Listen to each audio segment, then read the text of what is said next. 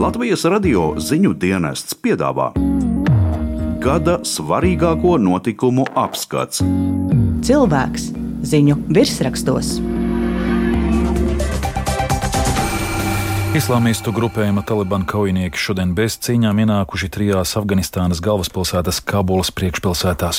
Šī gada 15. augustā Afganistānas galvaspilsēta Kabula bez cīņas krita grupējuma Taliban rokās, taču pirms tam talibi vairākus mēnešus veica ofensīvu visā valstī, jo par karaspēku izvešanu no Afganistānas bija paziņojušas Amerikas Savienotās valstis. Īsā laikā grupējums iekaroja provinci pēc provinces.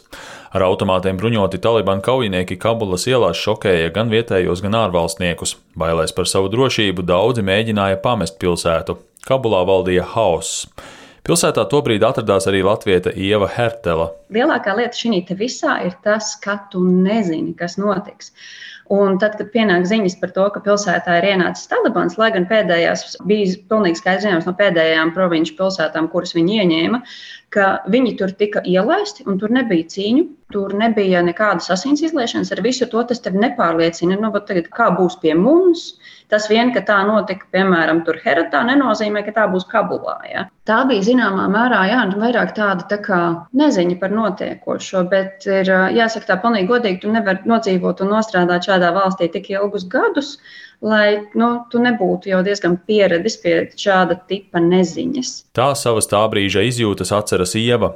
Viņa jau kopš 2011. gada regulāri ir uzturējusies Afganistānā, lai palīdzētu tur uzlabot valsts pārvaldi. Ieva stāsta, ka šajā laikā ilgstošu karu plosītā valsts piedzīvoja pozitīvas pārmaiņas. Ja pirms desmit gadiem ārvalstu konsultanti veica arī reālus darba pienākumus Afganistānas valdības iestādēs, tad pēdējā laikā tā vairs nebija novērojusi Ieva vietējie bija apguvuši šīs nepieciešamās prasmes. Viņi bija sākuši kļūt patstāvīgāki, viņi spēja labāk īstenot un ieviest visas valdības politikas un arī teiksim, šos te paši uzturēt savus procesus. Tas bija tāds man viens no lielākajiem novērojumiem, ka ir milzīgs uzlabojums tādā, ka afgāņi paši spēja darīt daudzas lietas, kur agrāk viņiem bija nepieciešams starptautiskais atbalsts. Diemžēl tagad, pēc visām pēdējām izmaiņām, ir tā, ka šie paši izglītotie cilvēki, kuri bija šīs ministrijās, kuri šo darbu veica, tie ir tie, kuri arī bija vieni no pirmajiem, kuri mēģināja šo valsti pamest. Kā tur ir tagad? Nu, tagad tur ir tā, ka ļoti daudz no šīm zināšanām ir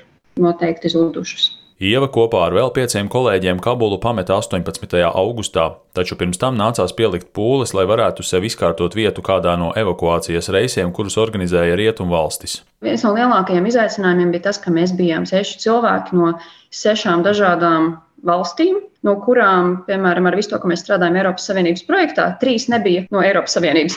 Un tad atrast veidus, kādā veidā mēs spētu apkopot, teikt, sakopot spēkus, lai veiksmīgi tiktu evakuēti. Tas bija tās lielākais izaicinājums, jo mums nebija viena pārvaldošo kā, nu, valsts vai kāds, kas varētu palīdzēt. Nu, tad mēs mēģinājām iesaistīt visas un organizēties un skatīties, kurš tur ko var palīdzēt. Jā. Un beigās jau arī ar kopīgiem spēkiem visi arī tikām ārā. Viņa saka lielu paldies Latvijas ārlietu ministrijas darbiniekiem, kuri esot daudz palīdzējuši, lai Ieva varētu pēc iespējas ātrāk atstāt Afganistānu. Man nevienu brīdi nebija sajūta, ka es būtu pamesta, bet es smējos, ka man tieši pretēji man ir VIP servis, ja, kur ar mani vienmēr, nu, tā kā es esmu pirmajā vietā. Ultrakonservatīvais grupējums Taliban atguva varu Afganistānā 20 gadus pēc tam, kad 2001. gadā viņu iepriekšējo režīmu bija gāzuši amerikāņu vadītie starptautiskās koalīcijas spēki. Pēc notikušā miljoniem Afganistānas iedzīvotāju dzīvo bailēs par iespējamo talibu izrēķināšanos. Daudzām meitenēm atkal ir liekta iespēja iegūt izglītību, bet ilgstoša sausuma un rietumvalstu ieviesto sankciju dēļ no ārējās palīdzības atkarīgā valsts atrodas uz humanitārās katastrofas sliekšņa.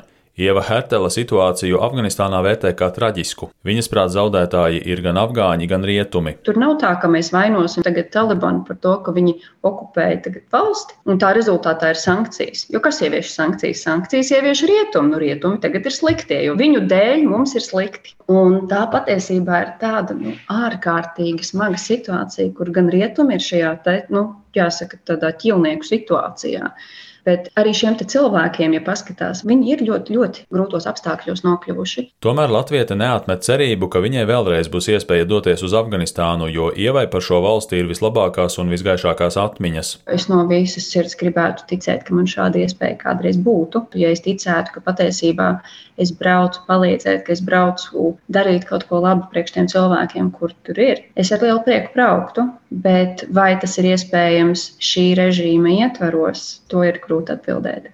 Skatoties uz to, kas notiek pašlaik, es teiktu, diez vai, jo mani nepārliecina teiksim, tas, kas tur notiek. Ieva noslēgumā piebilst, ka Afganistānas jaunā režīma un rietumvalstu sadarbība nebūs iespējama, kamēr talibi neakceptēs starptautiskajā sabiedrībā pieņemtos principus un uzskatus.